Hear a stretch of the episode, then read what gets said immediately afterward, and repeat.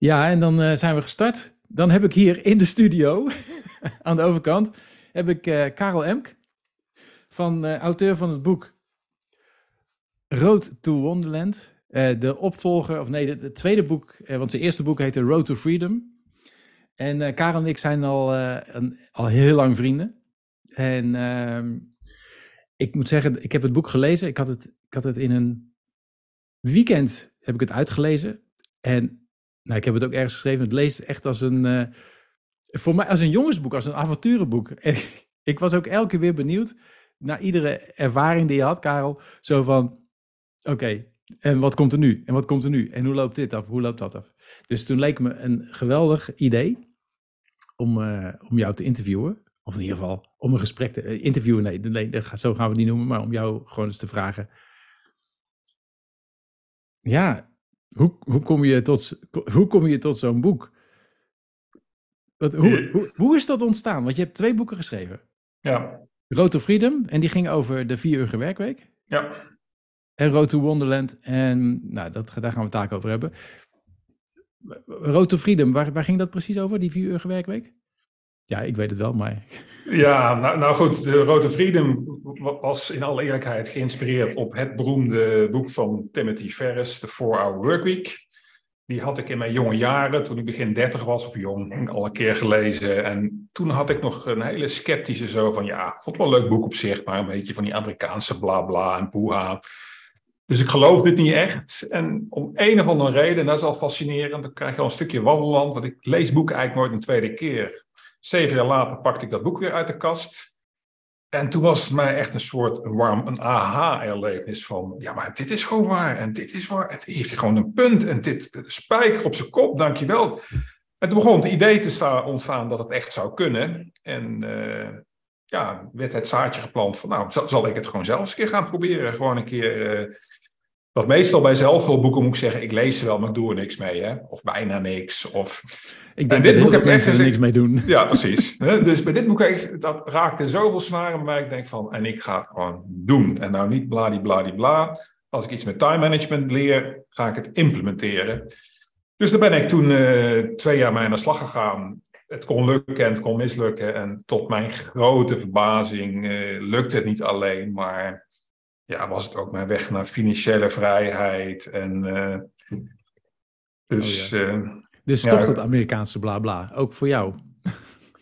Nou ja, misschien. Eh, kijk, nogmaals, ik zeg al, die kreetvierige werkweek is mooi, meer een merknaam, een leuk woordje. Een nul-uurige werkweek kan ook, een tien-uurige werkweek kan ook. Maar gewoon, ik vind het al natuurlijk een beetje rebel, net als jij. Het hele idee dat wij verzonnen hebben dat je 40 uur moet werken. Ja. ik heb een tijdje in loondienst gezeten op een afdeling waar gewoon af en toe heel weinig te doen was. En dan ga je projecten verzinnen. Maar je moet wel 40 uur op die stoel zitten. Je kan niet zeggen van, uh, ja, in de zomer ben ik er wat minder, want er is er minder werk. Ja, het zijn allemaal verzinsels. Ik ben een beetje rebels erin. En dan is zo'n vier werk is natuurlijk een leuk extreem. Een beetje zo van, nou, gaan we het zo doen. En ik had niet verwacht dat, dat het zo zou slagen als het zo slagen, geslaagd is, laat ik zo zeggen. Nee, en, en wat, ik, want, wat dat vind ik wel opvallend, vind ik in je, in je nieuwe boek ook, maar ook in dat andere boek dat het heel nuchter is. Want die Amerikanen, die kunnen natuurlijk, hè, die, zijn, die zijn gewoon nogal schreeuwerig. Tenminste, de Amerikanen die ik tegen ben gekomen. Uh, en in die hele marketing hype. En jij pakt het natuurlijk wel, gewoon heel nuchter aan. En, en hebt gewoon gezegd, oké, als dit werkt. En je hebt er twee jaar over gedaan hè, om, de boek, uh, om, om het uit te proberen, wat er in het boek staat. Ja, maar dat is meteen al een eerste belangrijke les. Mensen hebben een deadline nodig. Hè? Dus ik had gewoon mij, mijzelf voorgenomen. Ik ga in 2016 hoe dan ook naar de Verenigde Staten. Mijn plan was toen om een jaar te gaan rondreizen. Of die vierige werkweek nu gelukt is of niet. Maar het begon een beetje april 2014. Dus inderdaad in, in een kleine twee jaar. Van, van een kleine eenmanspitter. En uh, nou, had ik toen 95.000 euro omzet, 60.000 euro inkomen maar al zes ton toen uh, het jaar dat ik aan het reizen was. En uh, een balk en enorm inkomen terwijl ik eigenlijk niet meer werkte. Dus het was echt een explosie. Ja. Maar ik zelf ook af en toe een beetje de kreeg van nou, nou, nou, nou, nou, is dit mogelijk? Ja. Gebeurt dit?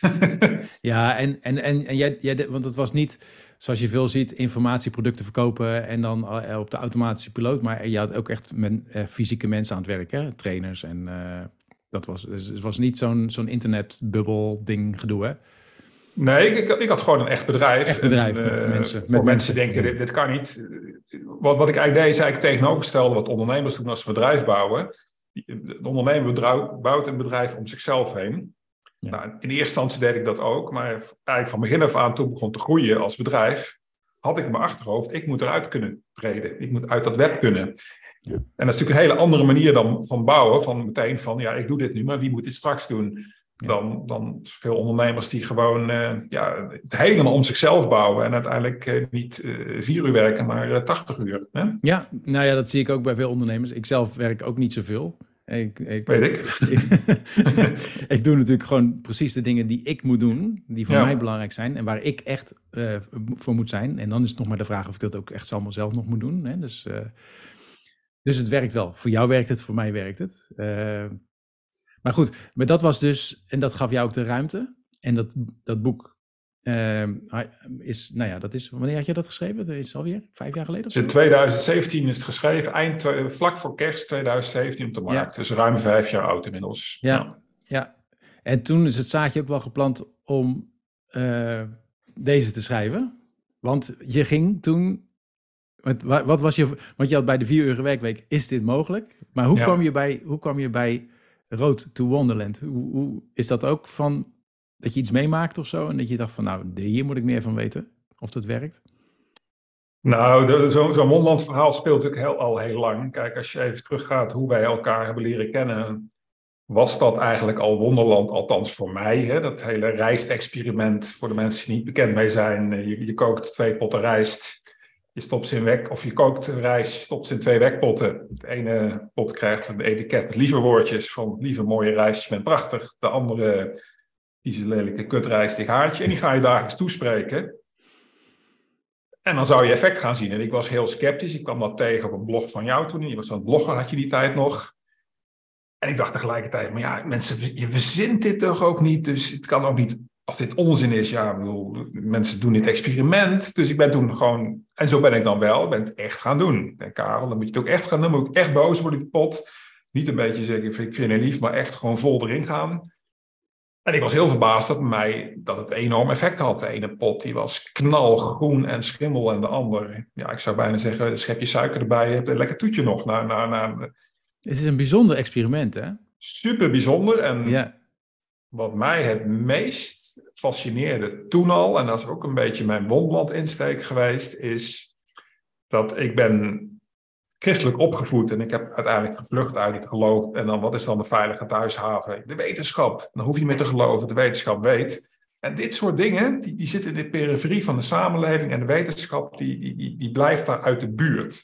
Net alsof het een soort no-go-area is. Dan denk ik van ja, waar we het eerder over gehad hebben, van beste wetenschappers, als jullie onderzoek dit dan, dan is dit een mythe, dan prik hem door. En ja. Uh, heel naïef. Uh, uh, dat heb ik eigenlijk bij alle wonderland dingen. Hè, van, heel veel dingen bestaan niet. Hè, dus als jij bijvoorbeeld vertelt dat je spirit guides hebt, daarmee overlegt, dan ben je voor een heel groot gedeelte van de bevolking bij je koekoek.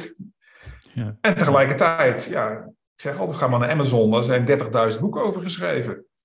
Wie, wie, zijn al die mensen? Zijn die allemaal de war? Zitten die allemaal in de psychose? Dus het, het, lijkt allemaal te bestaan. Maar de wetenschap, wat een beetje mijn religie was geworden, ja, die lijkt hele duidelijke muren te hebben van ja, dit onderzoeken we, maar daarbuiten, nee, nee, nee. Dat hoeft niet, hoeft niet te onderzoeken, want dat bestaat niet.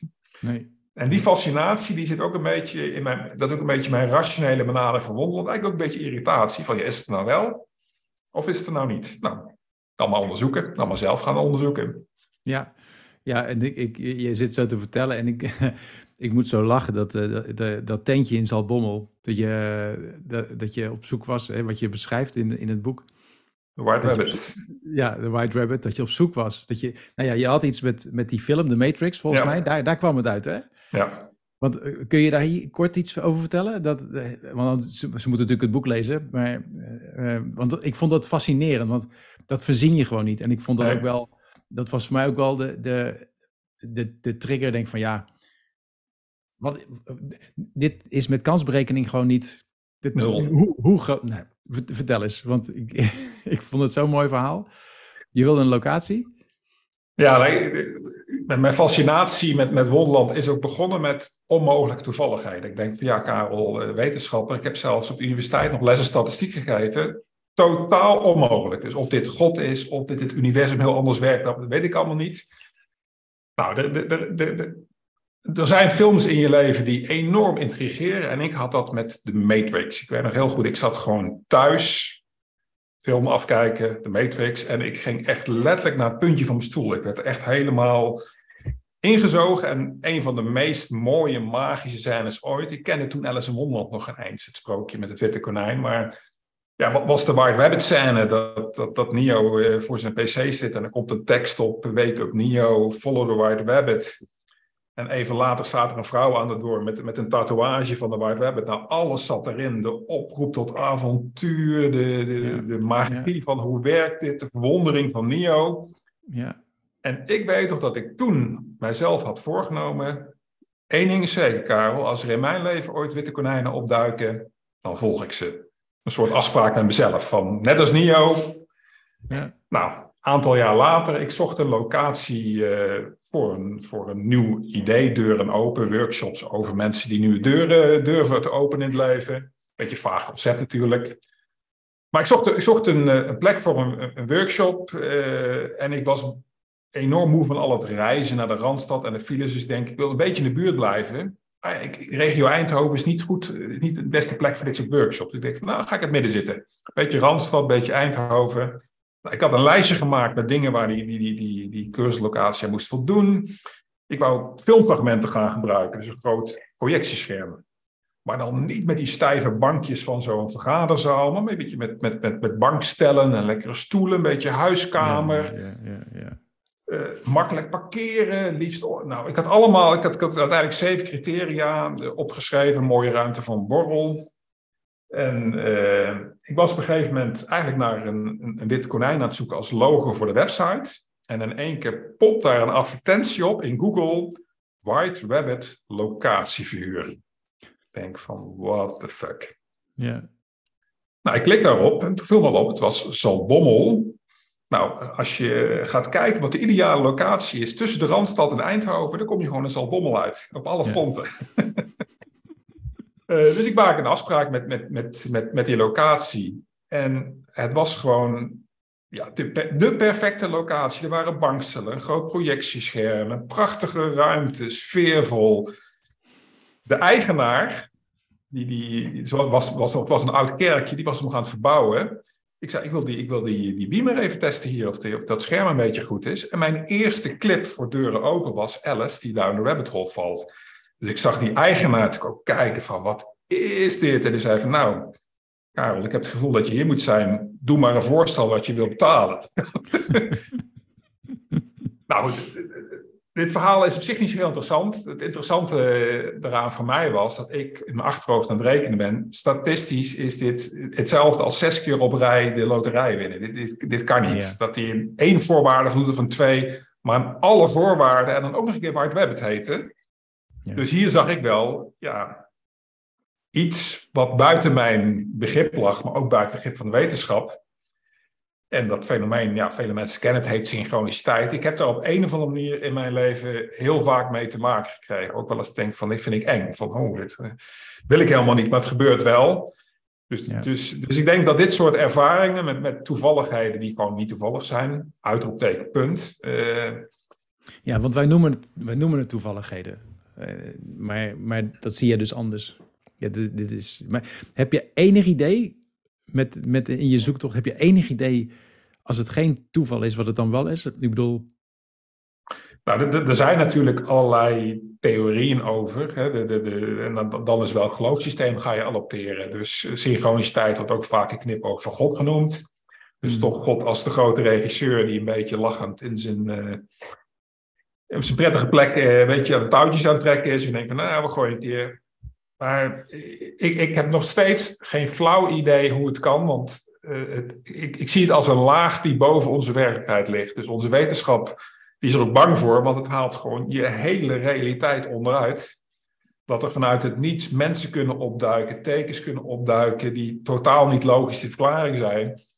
met de, de, ja, de logica van Isaac Newton, van zwaartekracht en uh, actie-reactie. Het komt gewoon soms uit het niets. Ja. En heel veel mensen hebben die ervaringen. Dus eh, ja, dit is mij eigenlijk, en, maar dat is nog steeds ook naar mijn reis naar Wonderland, een, een heel duidelijk bewijs dat ook, ook de wetenschap, we hebben geen flauw idee. Nee, ik, denk, je, denk je dat het, want jij zegt hè, het is de hele realiteit uh, verdwijnt eigenlijk. Hè? Dus, dus eh, eigenlijk alles waar je in gelooft. Ja. Dat is natuurlijk, dat is net zoals voor uh, christen, christenen. Als er uh, überhaupt ergens ooit het bewijs komt dat Jezus niet heeft bestaan. Dan, Nachtmerrie. Ja. De wereld stort in. Ja, dan stort die hele wereld in. Dus, de, dus dat wil je ook. Hè? En, en los van de feit of dat het nou wel of niet zo is, maar, maar als jij je hele leven iets hebt geloofd en dat blijkt niet waar te zijn, ja. Wat dan? Wat dan? dan Wat nu? Ja, want hoe kijk je dan terug op je leven, weet je wel? En dus, dus ik kan me ook voorstellen dat heel veel mensen een soort natuurlijke uh, weerstand hebben tegen verandering. Hè? Dus tegen, tegen andere denkbeelden. Ik ook hoor. En, nou, ik denk dat we eigenlijk allemaal zo zijn. Zo zijn. Ik denk dat we allemaal, hè, jij noemt dat ook bubbels. En er staat ook een heel mooi filmpje op je, op je, op je website natuurlijk, hè, van, van hoe, dat, hoe dat dan werkt met die bubbels. Hè. Ik zit in een bubbel, jij zit in een bubbel. Dat, dat onze twee bubbels bij elkaar zijn gekomen, dat is eigenlijk ook al een wonder, eigenlijk. Want wij, zitten, wij zaten in totaal... Het is, het is dat ik op mijn website toen een pak aan had. Dat je dacht, mhm. nou, daar, daar kan ik wel een keer mee praten, want hij ziet er toch redelijk normaal uit. en hij heeft niet lang haar, uh, weet ik veel, en zit ergens uh, zwevend uh, op een, achter een wierookje. Maar dus er zat ergens een, een, een, een, een overlap ergens in bubbel. Nou ja, en misschien is er dan iets groters wat, dat, wat ons bij elkaar heeft gebracht. Dat, dat zou ook nog kunnen natuurlijk. Mm Maar dus, dus, want we hebben allemaal onze eigen bubbel en dat, dat, uh, en die willen we in stand houden. Maar zou dat, zou dat de enige reden zijn dat we dan dat, dat we die realiteit gewoon niet onder ogen kunnen zien? Of dat zou het dat we ze niet willen zien? Want als je, ja. ik, ik wil de vraag. Ik, ik, denk dat wij mensen eh, hechten aan ons wereldbeeld. Dus je bouwt in je leven een bepaald model van de wereld, hoe die werkt. En het, is, het geeft een stukje houvast. Maakt niet uit wat je gelooft. Hè? Dus als je een christen bent, je gelooft in God, geeft dat houvast. Als je wetenschapper bent en denkt van nou, wij gaan het allemaal uitvogelen, geef dat houvast. En als dat model doorbroken wordt, want je hebt net dat voorbeeld van die White Rabbit, maar ik heb zoveel voorbeelden en heel vaak merk ik dan dat ik eigenlijk ontken wat er gebeurt. Ik zal nog één heel simpel voorbeeld noemen. Toen ik mijn beslissing nam, ik het heel goed van die vier werkweek, van ik ga het project echt doen. Wat dan ook, ik ga naar Amerika. Ik schreef het ook op s'avonds op een briefje, Karel, een beetje met een geintje op, op zijn uh, Elfstedentocht, It Get On. Beslissing is genomen, ga niet meer terug. En de volgende ochtend, ik word wakker, ik moet even naar de supermarkt om de hoek een broodje halen. Ik weet niet waarom. Ik kom binnenlopen, ik hoor California Dreaming. Ik denk, oh nee, heeft dit met mij te maken? Help, ontkennen. Uh, en toen kwam er echt een hele stroom van dit soort dingen. Ik heb wel vaker gehad dat, ja, ik kan er eigenlijk niet omheen. En tegelijkertijd bedreigt het mijn wereldbeeld. Want als ik serieus ga nadenken dat in de Plusmarkt in Veldhoven California Dreaming wordt gedraaid op de playlist op wat Karel M. gisteren besloten heeft, dan denk ik, help. Mijn hele, ja. Ja, ja. Dus, ik, ik, ik, dus heel vaak ontken ik dat soort dingen ook een beetje. Ik zie het en ik moffel het een beetje weg. Hè. Dus in mijn boek ook een, een, hoofdstuk wat er eigenlijk uit weggecensureerd dat was dat glaasje draaien. Ik denk, hier wil ik niet bij betrokken zijn, het is niet mijn wereld. Maar toen ik het wilde ontmaskeren, ging ik enorm voor de bijl dat het uh, niet een beetje werkte, maar extreem goed werkte. ja, ja, ja. ja. dus, dus ik denk dat, dat mensen een wereldbeeld ontwikkelen in de loop van hun leven. Dat doe ik ook, dat doe jij ook. En dat voelde eigenlijk wel fijn. En bij mij voelde die wetenschap eigenlijk wel fijn. En ik hoef niet al die moeilijke religie en al die vervelende dingen met hel en hemel gewoon. Onderzoeken het zelf. En we zijn een heel, heel eind op weg. En dan is het eigenlijk ongemakkelijk ook al is het wel grappig dat er een keer zo'n White Rabbit locatie opduikt. En als ik dan denk van ja, Karel, als ik eerlijk ben, is dit een, is dit een wonder. Het is gewoon een wonder. Ja, ja toen, ik het, toen ik het las ook, en ik wist natuurlijk, je hebt het wel eens, hey, je hebt best wel vaak verteld, maar toen ik het las, en vind ik met al die voorbeelden, want ik ben zelf ook, hè, ben best wel sceptisch, hè, ondanks dat ik in die hele spirituele wereld zit en meditatie en shamanistische dingen en En dat ik altijd sceptisch uh, blijf. Uh, en ik denk ook gezond, gezond is. Gewoon uh, niet helemaal meegaan in heel die, die, die rambam, maar gewoon nuchter blijven kijken. Maar toen ik dat boek, toen ik jouw boek aan het lezen was, toen alsof, alsof ik mezelf ook aan het overtuigen was. Want dat, dat vind ik wel mooi eigenlijk in jouw boek. Jij probeert niemand te overtuigen. Je vertelt gewoon je ervaringen. Dat vind ik in tegenstelling tot al die andere spirituele boeken, die je allemaal proberen te overtuigen dat er dit is en dat is en zus is en dat je dat maar moet geloven. Zeg jij gewoon, joh, dit zijn mijn ervaringen. Het heeft mijn wereldbeeld in ieder geval aan het schudden gebracht. En bij mij persoonlijk, het, het, er kwam echt zo'n zo'n zo'n zo'n stemmetje in me zo van, ja, we weten het gewoon niet. Precies. Dat is een goede samenvatting. We hebben, we hebben geen idee, Frank. We hebben werkelijk geen idee. Als, het, als we dan over die bubbels praten, weet je al, ik bedoel, we zijn, het, we zijn wat dat betreft, we zijn het product van onze opvoeding. en, en, en natuurlijk laten we dingetjes toe. Er komen dingetjes zeker in ons bewustzijn. En zeker als je ervoor open staat en ook echt mee aan de gang gaat. Hè, dus dat je, dat je zegt van nou, dan ga ik gewoon proberen om zelf te ervaren. Dan is het nog lastiger om het zelf te ervaren als je heel erg strak in je hoofd zit. Uh, maar jij geeft in je boek zoveel ervaringen. En zowel positief ook als negatief. Hè? Gewoon, maar toch dat je, dat je zoiets hebt van. En dat deed het bij mij. Van, terwijl ik die verhalen ken. Uh, en ik dacht, ja, maar dit is gewoon, dit is, dit is, we weten, we, we, we, weten, we weten het gewoon niet. En we houden onszelf, we houden onszelf voor de gek dat we, dat, dat we denken dat ons leven maakbaar is. Dat we, uh, dat we weten hoe het zit. Uh, en of het nou wetenschappers zijn, want ik zie, ik, ik volg ook een paar mensen die op wetenschappelijk gebied proberen de, de zweverige wereld onderuit te, te helpen. Of, of daartegen te ageren. Maar dat is gewoon twee bubbels tegen elkaar. En, en die weten het ook niet. Die anderen weten dat ook niet. We moeten gewoon stoppen met te pretenderen dat we het weten. En als je ergens gewoon nieuwsgierig bent, om dat te gaan gaan ervaren. En dat betekent gewoon met andere bubbels praten, boeken lezen, luisteren naar podcasts, naar, naar dat, is, dat is volgens mij, en dat is wat jij hebt gedaan. Je, je, je, ik bedoel, wat, hoe, hoe ben je aan al die mensen gekomen waar je, waar je al die sessies hebt gedaan en gesprekken mee hebt gehad? Hoe, hoe kom je eraan? Komt het, komt het dan ook gewoon op je pad? Of ben je, ben je op zoek gegaan? Of... Nee, ik, ik, denk, om het even heel simpel te maken, in, in, mijn universum vind ik het niet logisch als over een bepaald onderwerp niet één boek is, maar bijvoorbeeld 10.000 boeken. Hè? Bijvoorbeeld iets waar ik helemaal niks van afwist, maar wat wel intrigeerde was Kundalini. Wat is dan Kundalini? En je hebt Kundalini Yoga en de Kundalini oh, ja. Awakening. En dan ga je lezen op Wikipedia en denk nou weet ik het nog niet. Ik denk de enige manier om, het, om te weten is dan maar te gaan ervaren. Dus op een gegeven moment kwam dat wel op mijn pad. Dus dat leek wel iets dat gestuurd te zijn. Uh, nou, een vrouw die dan een, een Australië een activatie kon doen. Ik was weer heel sceptisch. Ik denk, er gaat niks gebeuren. Maar goed, uh, ze was niet duur. Ik ga op de grond liggen. We gaan wel kijken wat er gebeurt. Nou, om te beginnen lig ik, uh, lig ik een kwartier later helemaal die shake alle kanten op. En twee dagen later ben ik vegetariër. ja, ja. dan kun je als zure wetenschapper van een bepaalde stichting kunnen zeggen... ja, dat is, ben een beetje in de war geraakt daar. Dat is een placebo-effect. En ja, ja Amahula, kom, kom, je kamer uit en ga zelf die ervaring aan. Hè? Want er is natuurlijk een aantal dingen die, die, die moet je gewoon ervaren. Ik denk uh, iets als Magic Mushrooms, ja, je kan erover lezen, je kan er een mening over hebben, maar pas als je het middel inneemt. Hè? Dus, uh, dus er is dit gebied heel veel. Ik ben altijd heel nieuwsgierig geweest, uh, dus ik heb best veel gelezen. Wel met een sceptische bril, maar, dan, maar soms met lezen. Ik heb dat bijvoorbeeld in mijn boek ook staan. Mijn meest enge voorbeeld dat ik een boek lees met, met, dat, ik weet geen eens wat echt geheim genootschap was, maar die witte broederschap.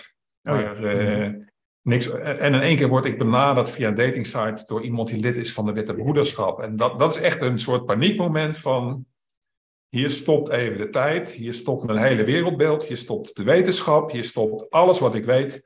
Hier komt iets bij mij binnen wat zo ver buiten mijn kaders van de realiteit ligt dat ik twee dingen kan doen. Ik kan het of volledig ontkennen en wegrennen, maar dat werkt niet helemaal. Want als je het ergens wegdrukt, zit het nog ergens. Ja. Of ik moet gewoon erkennen, inderdaad, ah, KLM, jij weet het niet. En sorry voor de mensen die luisteren. Ja, ik vrees dat jullie het ook niet weten. Jullie denken dat je van alles weet en hebt ervaringen die misschien bevestigen van, nou ja, ik weet het nu. Dus, dus volgens in mijn hele wonderlandreis uh, misschien wel leuk zometeen ook even iets over jouw shamanistische reis. Had ik het idee toen ik die deur op een kier zette, dat ik al schrok van ho, ho, ho, het komt meteen binnen.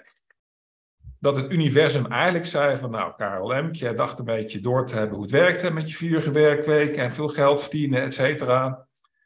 Het antwoord van het universum over jouw kennis is ha, ha, ha, ha, ha een soort uitlachen. We gaan eens eventjes, ook mijn realiteit begon te veranderen. Dat was een beetje eng van, wat, wat gebeurt hier allemaal? Ja. Door, door, door die deur open te zetten, letterlijk, ja, ver, ver, veranderde mijn realiteit ook. Nou, dat is ook wel iets, als je vanuit de wetenschap denkt, er is een objectieve, vaste realiteit. Ja, dat, dat botst natuurlijk met een vloeibare realiteit in één keer wijzigt, omdat je mentaal in je hoofd een, een deurtje openzet. Ja, ja, ja, ja dat, dat is ook zo. Maar wat, wat ik eigenlijk uh, wat, wat zo mooi is, is, want ik hoor jou dat ook zeggen, je, dat je er sceptisch ingaat en dat je het eigenlijk, net zoals met Kundalini, dat je het eigenlijk niet gelooft. Nou, ik geloof, ik geloof, ik, ik geloof wel dat er, dat er iets moet zijn, om de simpele reden. Uh, als er 10.000 boeken over Kundalini geschreven zijn, met hele dikke geschriften, en dan is daar iets aan de hand. En desnoods is er aan de hand dat er nog een psychiatrisch ziektebeeld is buiten de bekende die we niet kennen, dat er gewoon Kundalini-gekken zijn. Ja, ja. ja. Net als dat hele verhaal van het buiten die starseeds, waar ik enorm diep in, of diep, waar ik enorm gefascineerd door was. Van ja, zijn die mensen allemaal in, compleet in de war? Ja, dat is niet logisch. Dat er zoveel mensen die een coherent verhaal hebben, allemaal in de war zijn. Dus, ik, ik, dus wat ik in mijn boek ook, dat is die bubbels, wat, je, wat me enorm fascineert, is dat al die dingen, denk ik, gewoon bestaan. Maar afhankelijk in welke bubbel, in welke cultuur, in welke groep je zit, bestaat het niet. En wordt, als het dreigt binnen te dringen, wordt ook meteen belachelijk gemaakt. Ja, uh, ja, dat is wat ik zie. Het wordt, het wordt gewoon belachelijk gemaakt. Deze mevrouw die denkt van Sirius te komen. Ha, ha, ha. Ik zie dan een beetje de heren van uh, Vandaag Insights, Johan Derksen. En dan wordt meteen... Ja, Twitter gaat er overheen. En, maar al die dingen zijn er in, in mijn beleving. Dus alle dingen die ik opzocht, ik kan niet alles vanuit eigen ervaring 100% best. Alle, alles is er gewoon. Dus ik denk dat het universum, als ik al iets weet, veel meer ongelimiteerd is. Hè? Een beetje het idee, everything you can imagine is real. Ja. Alles wat je kunt bedenken kan zich uiteindelijk maar dan, dan onze, ja, onze hokjes denken in de wereld van nou, zo werkt, het, eh, zo werkt de wereld. En uh, dit kan wel en dit kan niet. Ja, ik, ik had het pas, ik weet niet of je dat hebt gevolgd, maar ik heb pas een, een manifestatie-experiment gedaan. En uh, dan moest je dus een, uh, een object uh, visualiseren. In dit geval was dat een, een ladder. En ik, ik, deed dat echt maar gewoon, ja. Ik ben ook sceptisch. Ondanks dat ik hier mhm. al jaren in zit en heel veel dingen heb meegemaakt. Maar ik blijf toch sceptisch. En, en, en ik, ik kwam dat experiment tegen. Ik denk, dat ga ik gewoon eens doen. En het, het, mooie is dat, dat, je, ja, je bent niet emotioneel betrokken bij het object. Weet je, of er nou of wel of geen ladder komt. Weet je, ik word er niet armer of rijker van. En, uh, en ik, ik deed het en je moet het dan, nou, je moet, dus er zit een bepaalde formule, is het, die je, die je volgt. En, en ik heb het wel gedaan, maar ik heb de formule een beetje half gedaan. Weet je ik uh, had er niet echt, ja, tijd voor, zeg maar, genomen, vooral. en vervolgens had ik het gewoon gelaten, want ik denk, ja. En toen was ik uh, een week later of twee weken later, was ik, was ik bij mijn ouders. En uh, ik sta nooit op een ladder, en zeker niet bij mijn ouders. En, en op een gegeven moment komt Tanja naar me toe en ze zegt ze, of je even de kerstspullen op, uh, op zolder wil leggen. En toen dacht ik, nee. Want toen was het, toen was het de ladder die ik had gevisualiseerd. Nee, het was in eerste instantie niet de ladder die ik had gevisualiseerd. Het was een, want ik had namelijk een aluminium ladder gevisualiseerd. En, uh, en ik wist dat mijn ouders, als ze naar de zolder een houten ladder hebben Zo'n houten trapje naar de zolder. Dus toen dacht ik, ah, komt het toch niet uit, weet je wel. Mm nou, dat is toch een beetje, uh, ja, weet je, daar heb je, daar heb je ervan. Als je, dingen, als je dingen maar half doet, krijg je ook halve resultaten. Ja, toch? En toen deed ik de deur open waar de ladder achter stond. En wat denk je, jouw aluminium ladder, precies uh, eentje als ik, als ik had gevisualiseerd.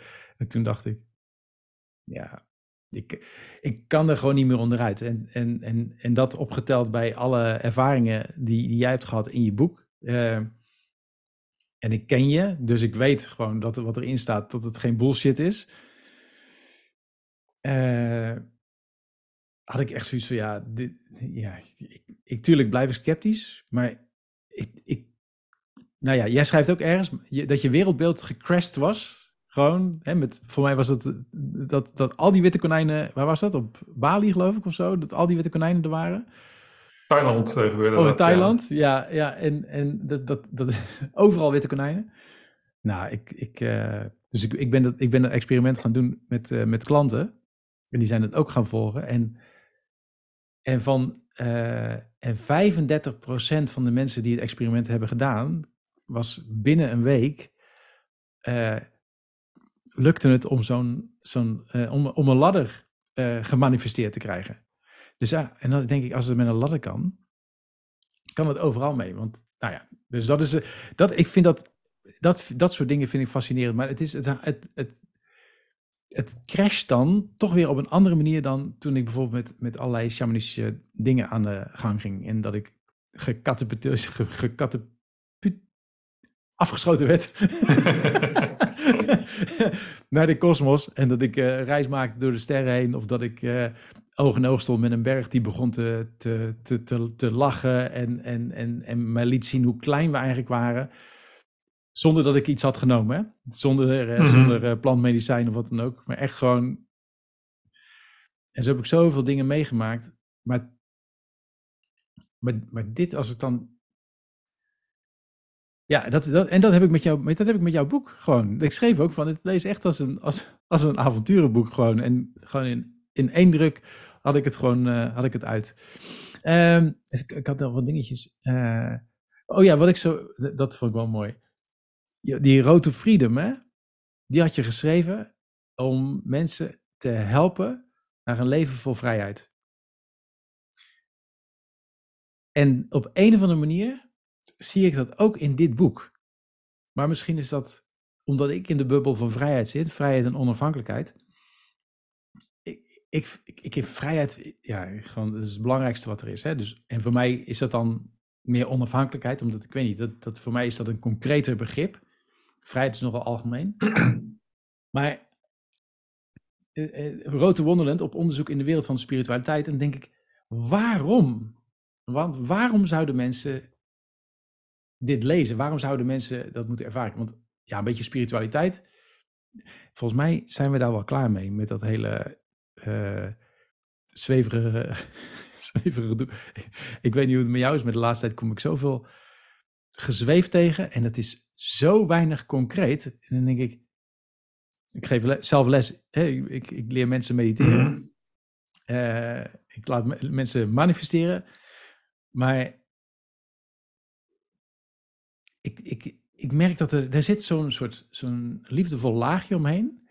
Alsof het alleen maar abstract mag zijn, maar niet concreet. Mm -hmm. En dan is alles is mooi, alles is prachtig. Nou, dat laat jouw boek wel zien dat het niet allemaal mooi en prachtig is.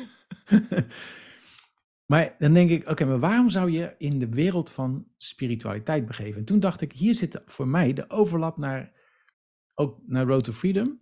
Is dat het, als je bereid bent om je bubbel te bekijken.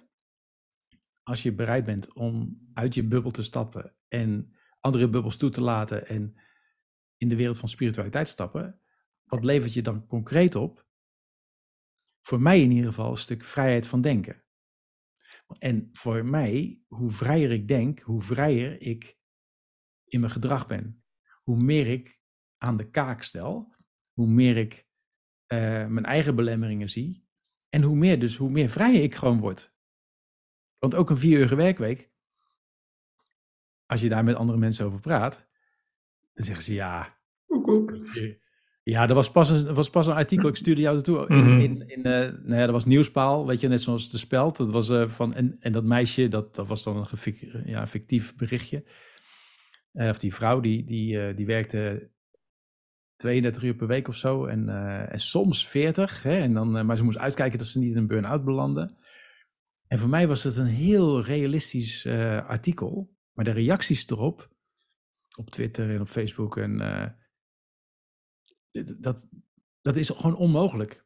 Het is onmogelijk. En, en de reacties stonden. De ene die, die, die was nog meer op zijn borst aan het slaan van... Ja, maar ik werk 80 uur in de week. Mhm. En vroeger, meisje, en vroeger. Dus eigenlijk is zo'n vier uur week ook, kan ook heel zweverig zijn. Hè? Dus, dus, eh, eh, of uit je bubbel zijn. En dat vind ik met Road to Wonderland ook. Maar uiteindelijk leidt het tot voor mij een stuk vrijheid. Is dat ook, is dat bij jou ook die achterliggende gedachte? Of is dat gewoon mijn, mijn interpretatie daarvan? Dat ook Road to Wonderland tot vrijheid leidt. Dat is eh, jouw interpretatie, Frank. Ja, hè? Nee, het- zijn verschillende dingen. Kijk, eh Road to, to Freedom. eh, ik, hou net zoals jij heel erg van vrijheid. Hè? Een klein voorbeeldje. Ik wil dolgraag een kat nemen. Ik vind katten hele leuke beesten. Maar ik denk, als ik een kat in huis neem, dan ben ik gebonden aan dat beest. Ik kan niet eh, eh, morgen eventjes eh, drie dagen naar Luxemburg gaan om te wandelen. Dus dat beperkt mijn vrijheid. Dus, dus, dus ook anderen willen helpen, ja, maar ook vooral mezelf, vond ik to Freedom. Ik ga naar projecten doen kijken of ik vrij kan komen, dat ik kan doen en laten wat ik wil. Nou, dat is gelukt.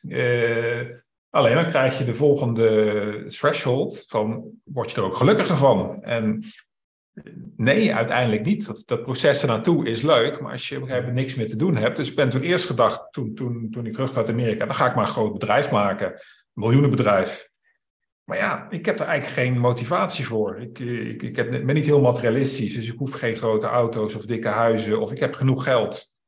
Ja, waarom moet ik nog meer gaan verdienen om aan goede doelen te geven? Dat is ook een beetje raar. Hè? Dat, uh, dus als, ik denk op een gegeven moment, uh, dat, zie ik wel bij meer mensen, de, de, materiële zaken geregeld zijn. Van je hebt genoeg geld en ik heb eigenlijk genoeg geld tot aan mijn dood. Uh, ja, dan, dan, dan komt de mens vanzelf dat je gaat nadenken van ja, wat is eigenlijk nu weer de, echt grote vraag. Wat, wat is het hier allemaal? Wat doe je met z'n allen op deze planeet in een oneindig groot universum met allemaal toestanden? En, dan, dan kom je eigenlijk in de spirituele zoektocht. En daar zat ik natuurlijk al langere tijd wel in. Ja. Alleen ik had nu echt heel veel tijd ervoor. En ik heb toen gedacht van nou, wat ga ik doen? Ik heb jarenlang lopen vluchten. En met vluchten bedoel ik ik ben een beetje de neiging een observatorrol. Ik, ik ben er wel bij bij zo'n workshop, maar ik ben meer de waarnemer dan dat ik echt deelneem. Ik denk, Karel, nu is het afgelopen. Nu ga je gewoon erin duiken en dan ga je ayahuasca nemen en dan ga je van alles doen. Je gaat echt... En dan ga ik boeken over schrijven. Net als met, met Road to Freedom. Geen idee toen ik eraan begon wat het zou brengen en of ik er blij van zou worden of niet. Ja. Maar heeft het me meer vrijheid opgeleverd? En alle eerlijkheid was mijn wonderlandreis, we dat vaak met jou over gesproken, ook eentje die heel veel onrust gaf. Want eigenlijk alle zekerheden die er nog waren, ja, die gingen eigenlijk, wat ik al zei, op de eerste dagen dat Universal zei van nou Karel, we gaan eventjes, eerst even duidelijk maken hoeveel je echt weet. En ik ben natuurlijk slim genoeg dat ik het eigenlijk antwoord zie, is, is nul. En dat kan best ongemakkelijk zijn. En ook andere bubbels instappen kan best bedreigend zijn. Want iets waarvan je eerst vroeger dacht in mijn oude ik van... Ja, dat zijn gewoon een beetje verwarde zweefteven. En uh, tot je aan een, iets mee gaat doen en denkt van... Potverdorie, dit is gewoon echt. ja, ja. Dus ik vond het best een verwarrende reis. En mijn grootste reden om het boek te publiceren... en wat ik ook lang over getwijfeld... is eigenlijk een beetje dat ik mij een beetje gestoord heb aan de wetenschap. De wetenschap is voor mij een religie geworden, die ook een beetje arrogant naar heel veel dingen kijkt. Van alles wat wij niet snappen of verklaren bestaat niet. Ja, als je dat wil volhouden, dan moet je in een kantoor gaan zitten, dan moet je de deur dicht doen, dan moet je zuur achter een laptop gaan typen, maar nooit de buitenwereld in. Want je zult gaan ervaren als je die, die, die andere bubbels instapt. Nou, je hebt, je hebt dan ervaring met shamanisme. Ga maar eens een keer met zo'n shaman in Peru op pad. Dan kom je er wel achter dat daar krachten zijn waar ja. onze westerse wetenschap geen flauw idee heeft om ook maar waar te beginnen.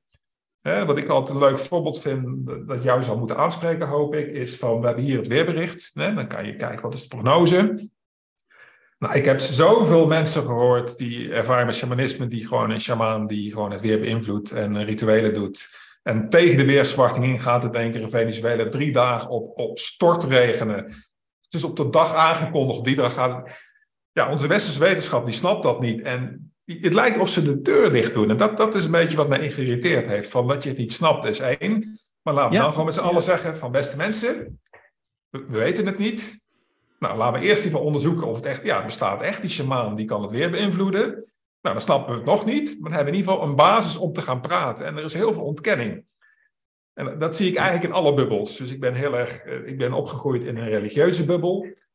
Het vind ik doodenge bubbels. Eh, gewoon het feit, het christendom waar ik, ik ben opgegroeid, dat ik als kind had ik het al van een kind van een jaar of tien, toen ik hoorde dat er andere religies waren, dat ik mijn ouders vroeg van, ja, maar lieve papa, mama, gaat die meester van school, gaat hij dan echt naar de hel?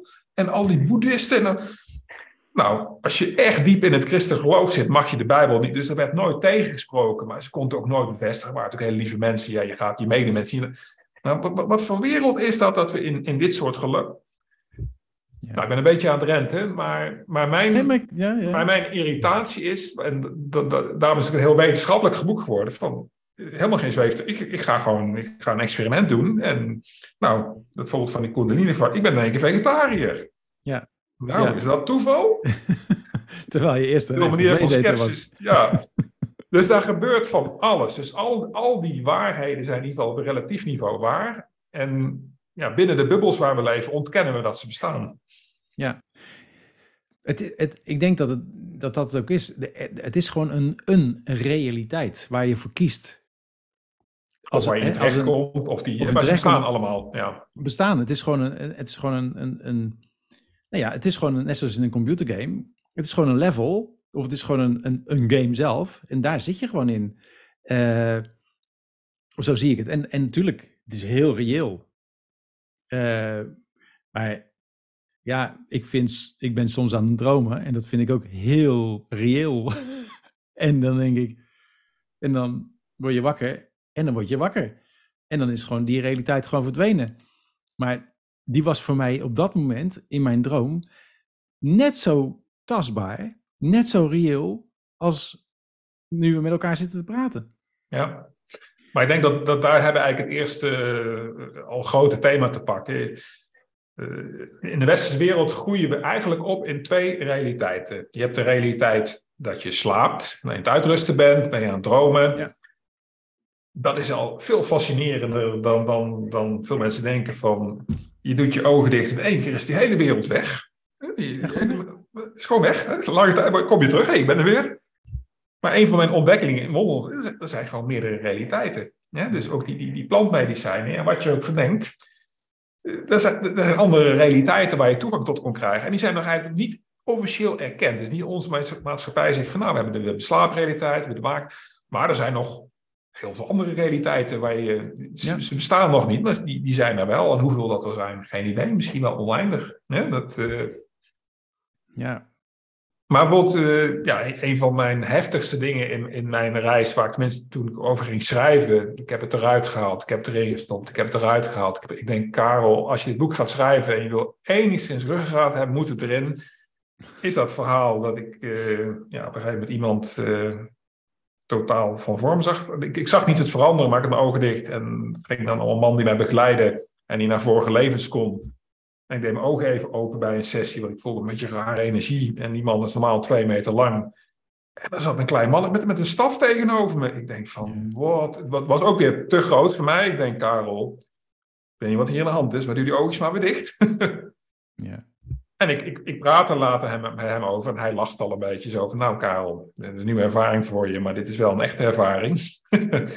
en hij zei van, ja, nou, ik, ik, eh, ik heb jou gezien als een uh, Aziat met een lange sek uit een vorig leven. Waarschijnlijk heb je mij ook in een uh, hoedanigheid gezien uit een vorig leven.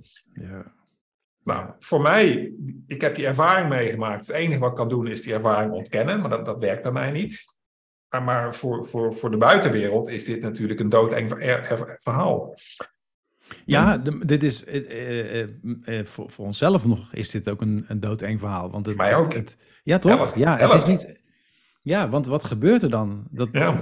dat, en, en dat had ik ook met, net zoals met zo'n berg die dan, hè, en dat is gewoon een berg, maar dat ik als het ware overgenomen werd door die berg en, en, en begon te schudden en, en, en dat ik echt hoorde van dat ik helemaal, nou echt, en dan ik als mens helemaal niks voorstelde. Ja. En dus uh, het is leuk dat alle klimaatmensen allemaal de wereld willen redden, ja. maar dat is gewoon een lachertje. Het is, het is, het is hartstikke goed hoor. Ik bedoel, ja, ja. een stuk bewustzijn Bij, naar de aarde toe, naar de, naar, naar de natuur toe, zeker. Dat juich ik alleen maar toe.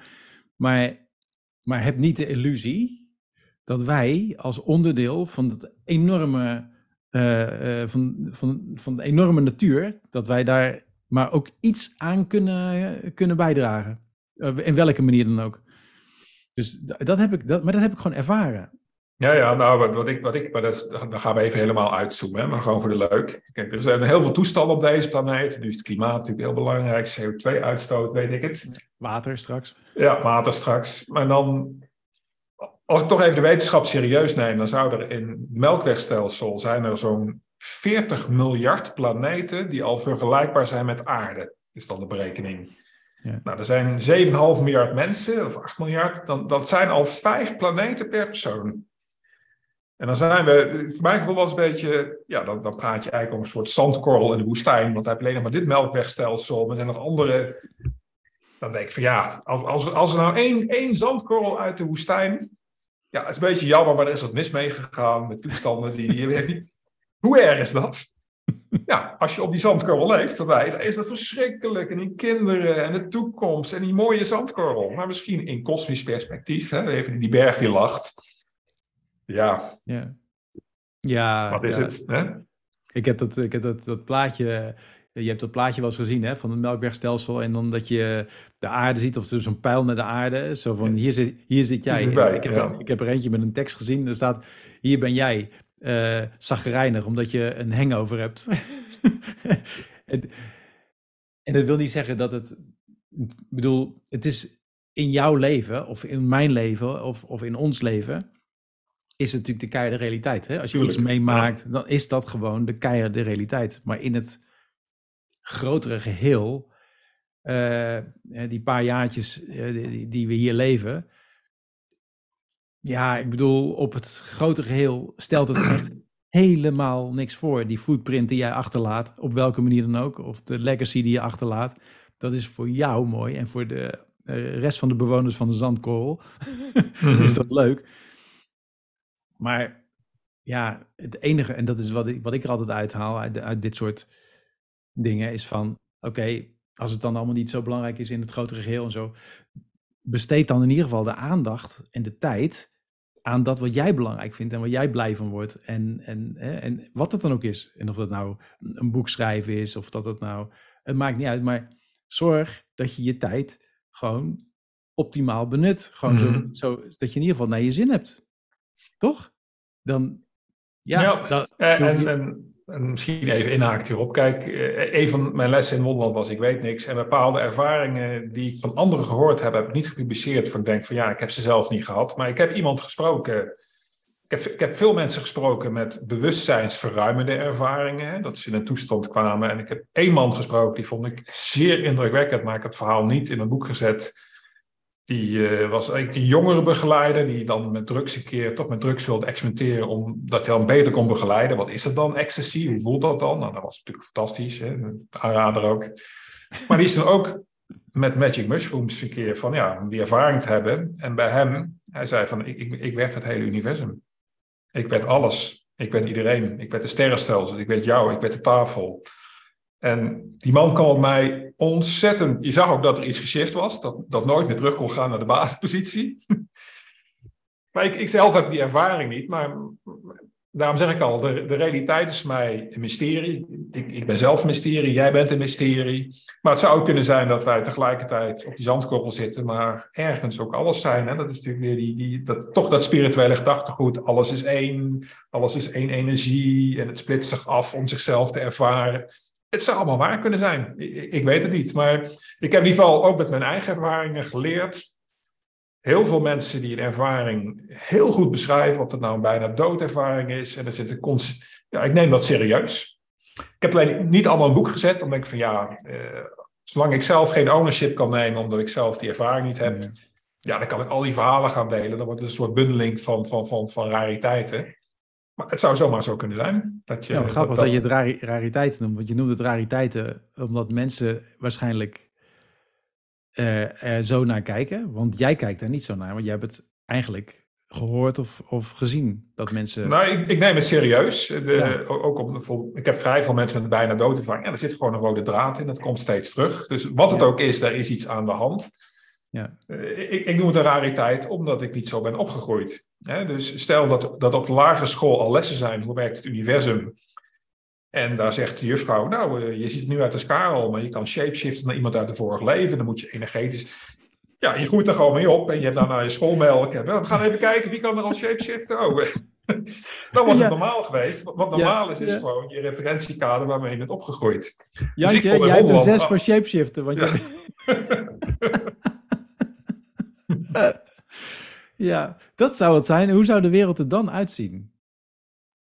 Want dan krijg je natuurlijk, net zoals in, in shamanistische gemeenschappen, zeg maar, waar het heel normaal is. Hè? Dus daar, de, ik zeg wel eens, uh, in die uh, shamanistische gemeenschappen, daar, daar, de, de shamaan is meestal degene die zo'n beetje mismaakt rondloopt.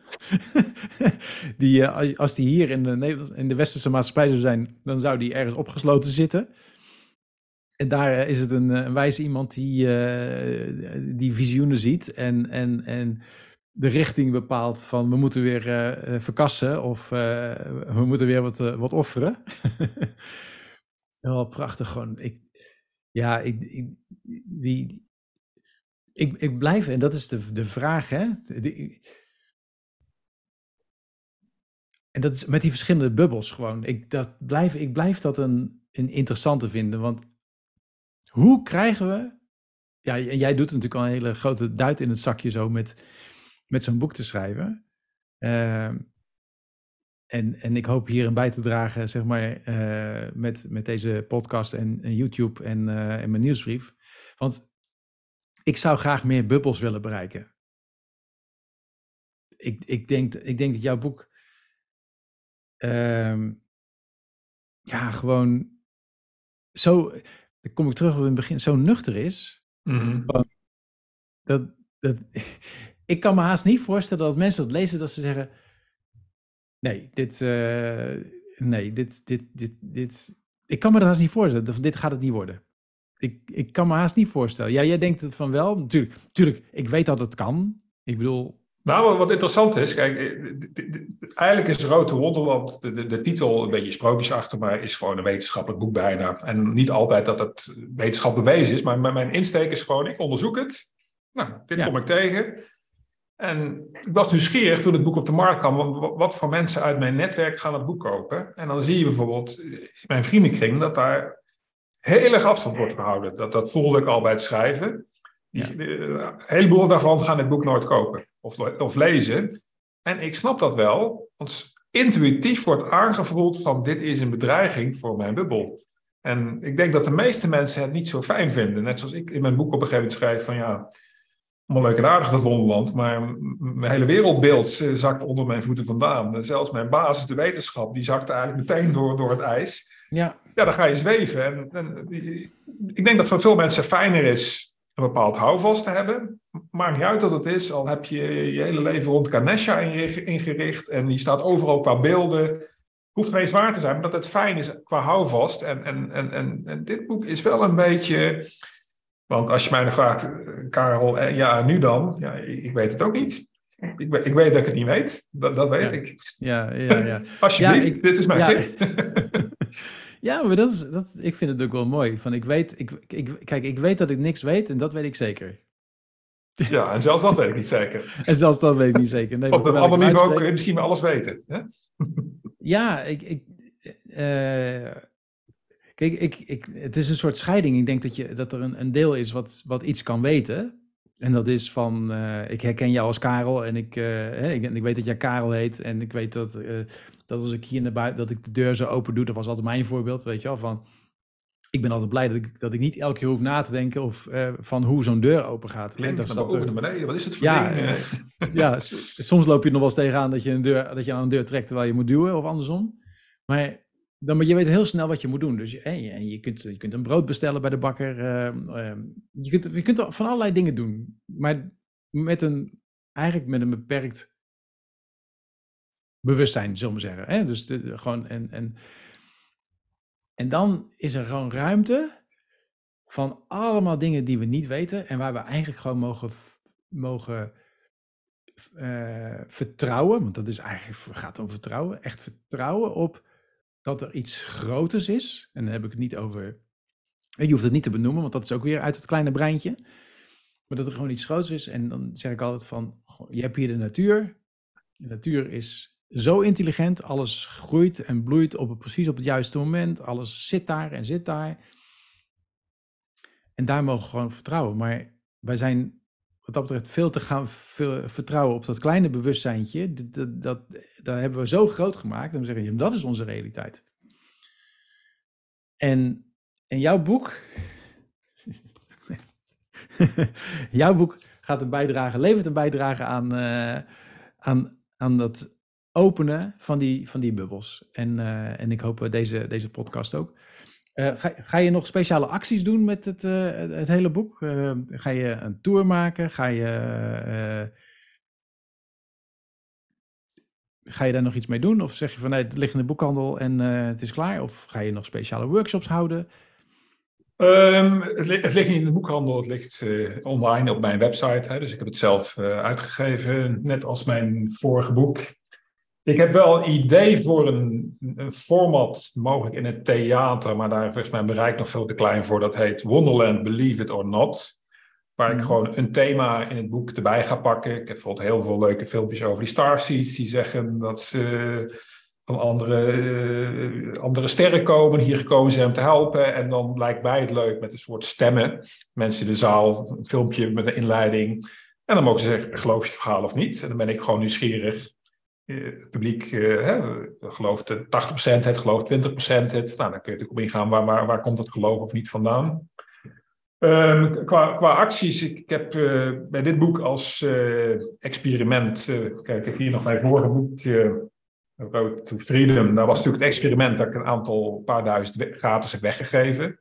Ja. Een beetje geïnspireerd door Amerikaanse internetmarketeers. Nou, voor dit boek, eh, het leent zich denk ik wel voor podcasts. Net zoals wij nu over spreken. Wat je er ook van denkt, het raakt zoveel onderwerp dat je altijd wel een leuk gesprek over kan hebben. Dus mijn idee is dat eigenlijk een beetje ook via de podcast te gaan uh, promoten. En voor, voor mensen die een podcast hebben, zoals jij niet echt, maar met dit bijvoorbeeld, dit interview, heb ik uh, gewoon dat ik het leuk vond, interessant, een affiliate-programma ontwikkeld. Dat mocht er dan een boek worden verkocht via die podcast, via een hyperlink, dan krijg je 5 euro. En wat vind ik daar weer heel grappig aan? Ja, dat is 2,5 keer zoveel dan als een schrijver bij een uitgever krijgt. Dus uh, ja, er zijn wel plannen, maar tot, tot op heden weet ik niet uh, uh, of het universum al met mannen mee gaat werken. Want dat is ook een van mijn leerdingen in, in Wonderland. Dat, ja, ja dat... mensen, je kunt van alles plannen. Ik ben net, net, net, terug uit Sri Lanka, waar ik 30 dagen had zullen blijven. Waar ik drie dagen om medisch reden naar huis vloog. Dus ja. life is what happens when you are busy making other plans. Ja, ja, ja, maar dat is wel een hele mooie. Oké, maar dat is wel een interessante. Die, eh, dus als mensen dat boek kopen, zeg maar. Uh, ik zal de link ook erin zetten. En dat is dus een, wat je noemt een affiliate link. Hè? Dat betekent uh, dat ieder boek dat via mij verkoopt. Krijg jij 5 uh, euro voor? Krijg ik 5 euro voor. Ja. Nou, dat is wel mooi, want dan kan ik dan mooi gebruiken om iets te organiseren, bijvoorbeeld. om nog meer te investeren hierin. Dus uh, om uh, bijvoorbeeld uh, iets met een workshop te doen, of een keer misschien een, soort vraag- en antwoord sessie of zo met jou. Ja, en ik, en ik denk wat, wat ik heel interessant vind, waar we het in voorgesprek al even over hebben. Ik volg natuurlijk ook wel de, de, de podcastwereld en de spirituele wereld. Al, al die mensen die zich daar met allerlei diensten aanbieden. En er lijkt een soort taboe te zijn dat mensen die een gave hebben om iemand te kunnen hier, die mogen geen geld verdienen. Als je daar geld voor vraagt, nee, dan is het direct weer slecht en duidelijk. En dan denk ik, ja, stel je hebt een bepaalde gave, je kan mensen genezen op wat met handoplegging, maar je mag daar geen geld voor vragen, want dan, nee, dan, daar zit een heel raar spanningsveld. Dus het is ook een beetje, van ja, hoe, hoe verdien je geld met de podcast als je niet super groot bent? Dus het is een beetje ja, waarom niet? Die mensen moeten toch ook naar de bakken gaan? Uh, ja, ik, ben, ik, ik heb er altijd over verbaasd. Ik bedoel, ik kom natuurlijk uh, zelf uit de, uit de commerciële wereld. Hè? Uh, en toen ik begon met, met, met persoonlijke ontwikkeling en, en, en daar trainingen ging, ging geven. Ik weet nog wel toen ik met shamanisme begon. en ik dacht dat ik daar voor die sessies, en al was het maar een paar euro, dat ik dat, dat echt ik, ik weet niet waar mensen uh, dat, dat, dat zagrijn vandaan halen, maar ongelooflijk hoeveel vuiligheid ik over me heen kreeg omdat ik er geld voor vroeg. En, En waarom is dat volgens jou? Waar, waarom mogen mensen die in die branche werken daar geen geld voor voor vragen? Je moet eigenlijk in armoede leven, is een soort... nou, er is, er, er, er is een soort, eh, er is een soort mythe dat shamanen, eh, in, in dit geval shamanen, hè, maar dat kan natuurlijk elke andere vorm van, van healing zijn, omdat het een gave is, eh, dat je daar geen geld voor mag vragen, Mhm. omdat het jou gegeven is. Eh, eh, net zoals een goede voetballer, denk ik. Hè? Die wordt ook niet betaald voor zijn gave. Dat hij Nee, totaal niet. Eh, oh, maar dat, oh nee, dat ligt natuurlijk weer anders. Ehm, maar nou, niet, niet boven de eerste 180 miljoen. Hè? Dus, dat is eigenlijk dan een soort basisinkomen. ja, ja, ja. Maar veel mensen denken ook dat die shamanen niks krijgen. Ja, dus dat de shamanen, dat, dat, dat die dat allemaal gratis en voor niks doen. Hè? Die zin, Mhm.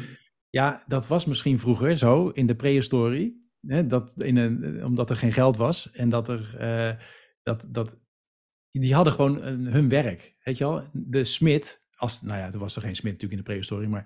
eh, de, de jagers werden ook niet betaald. De moeders werden ook niet betaald. De, eh, en ook het hoofd van de stam kreeg ook niet betaald. Weet je wel? Die kreeg ook niet een, eh, een balken en een norm eh, salaris.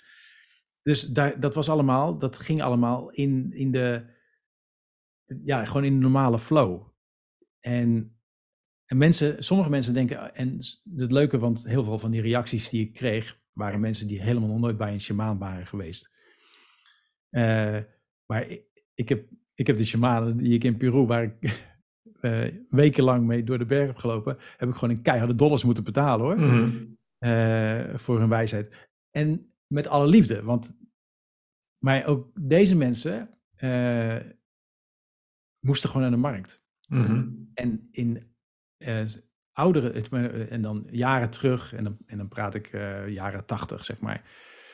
eh, toen hadden zij inderdaad geen geld en eh, boden hun eh, kleedjes die zij eh, weven, die, die boden ze aan in ruil voor geld. Hè? Dus die, dat Mhm. bartering, dat, dat was een hele normale manier.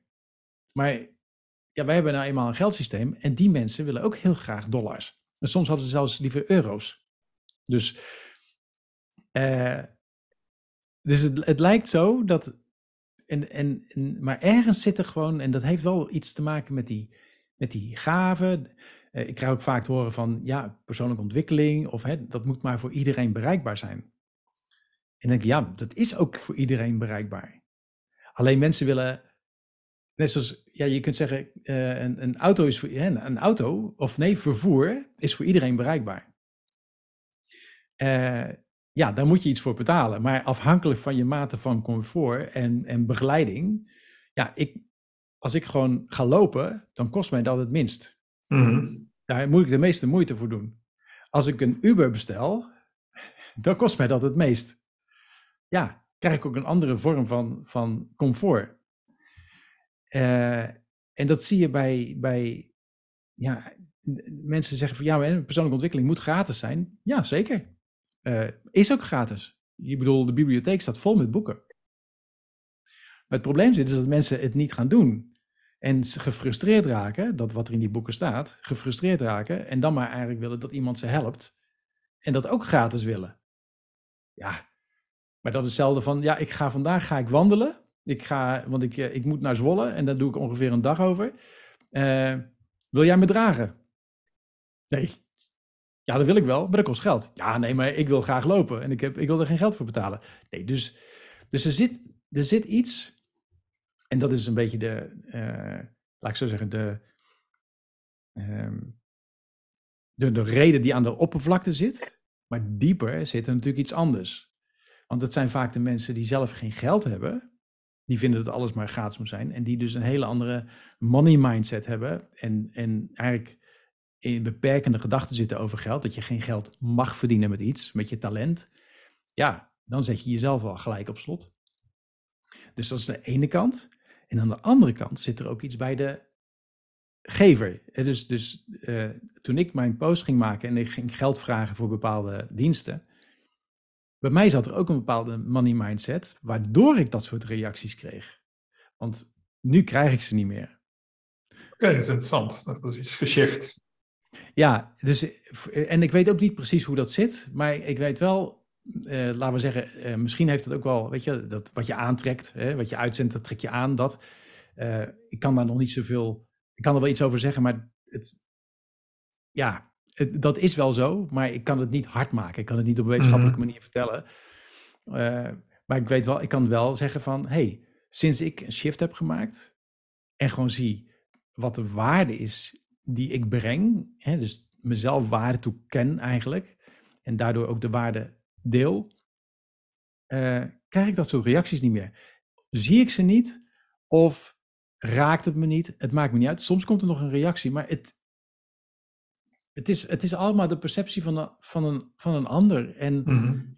Maar eerst, ik kreeg, oh, ik kreeg, man, man, man, hele Facebook berichten, hele reacties eronder van, van dat het, dat, nou, ik kan ze allemaal niet meer opnoemen, maar toen de tijd ging ik natuurlijk twijfelen. Ik denk, ja, ja, maar eh, moet, ik, moet ik het inderdaad gratis doen? Dan denk ik, ja, de SNS-bank ziet me aankomen.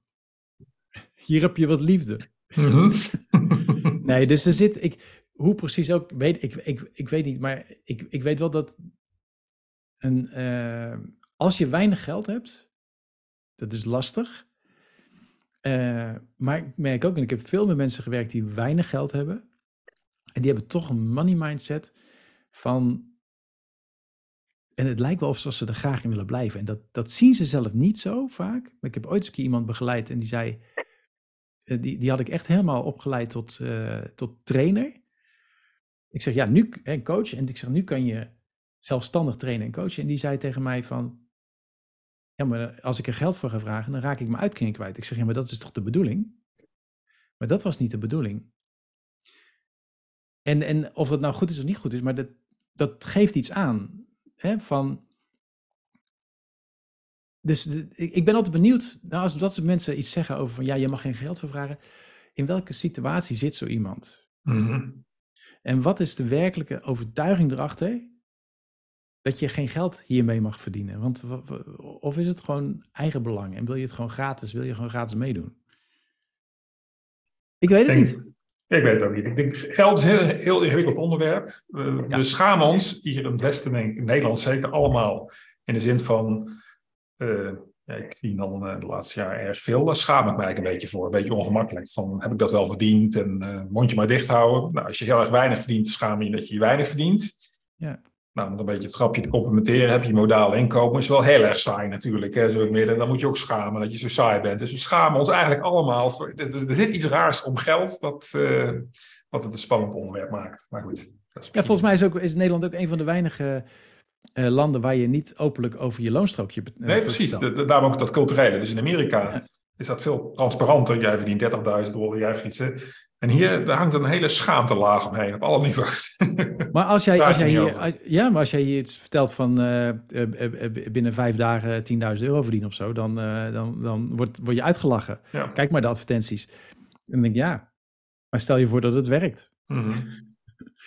Goed. Ehm, ja, dat, maar ik ga de, ik heb in mijn, in mijn plannen, zeg maar, mijn ideeën, ook, ik wil, ik wil iets met die money mindset doen. Ik vind Mhm. het fantastisch. Ik heb er zelf best wel lang ook tegen aangelopen. Eh ik heb eh, ook een eh, groot deel van mijn winst heb ik gewoon heb ik zien verdampen Mhm. op de, op de cryptomarkt. Nou, gaan daar. hè. dus, eh, eh, maar ik, ik, ik heb wel ergens op een gegeven moment ervaren wat echte financiële onafhankelijkheid is. En daar, daar wil ik ook iets mee gaan doen. Dus misschien is het ook wel leuk om dat ook, heb je daar ook wel ideeën over? Kunnen we er nog een keer over praten. Maar voor nu het boek. Dus, eh Road to Wonderland. Wil jij nog iets, wil jij nog iets daarover vertellen? Heb je nog zoiets van, nou, dit, dit wil ik nog echt kwijt? Voordat we gaan afronden? Nee, ik denk dat er zijn 1 miljoen miljard eh, boeken in de spirituele wereld. Ik denk wat deze ietsje anders maakt, is dat ik eigenlijk gewoon een verdwaalde wetenschapper ben. Die met licht, eh, een beetje reluctant, met tegenzin denkt van ja, als niemand het onderzoekt, dan doe ik het maar. Eh, en eigenlijk vanaf dag één weg- weggeblazen ben. Dus, dus sorry voor mensen die er niet in geloven. Het, is er allemaal. Je hoeft er niet in te geloven, want je kunt het onderzoeken, net als ik gedaan heb. Dat hoef je niet te doen. Niks is verplicht. Maar, eh, dus ik, ik ben wel voor eh, iets meer open-mindedheid naar andere bubbels en medemensen. Het is bij mezelf ook gebeurd. Ik eh, zal niet meer zo snel iets van tafel wuiven. met het woord onzin. Nee.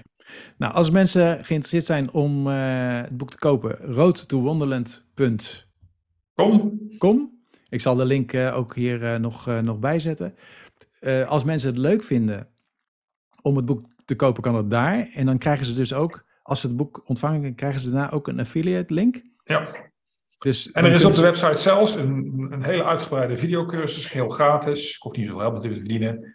Met meer dan drie uur aan video's, waar al dit soort thema's, wetenschap en wonderland, hoe zijn we zo geconditioneerd ons leven, al die thema's komen terug. Welke wereldbeelden zijn er? Ik heb het een beetje de theorie van Wonderland genoemd, omdat het boek eigenlijk veel te dik was geworden. Dus uh, het boek zelf gaat eigenlijk meteen los.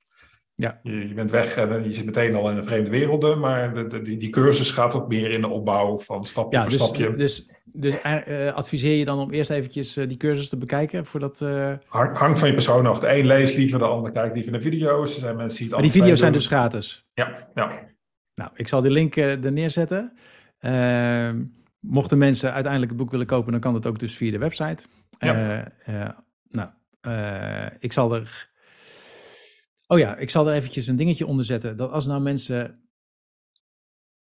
het leuk vinden, want jij had het over het theater uh, gebeuren. Als mensen dat nou leuk vinden, zouden ze in de reacties kunnen achterlaten dat ze dat leuk zouden vinden om daar eens uh, uh, iets over te, te om, om daaraan, daaraan mee te doen.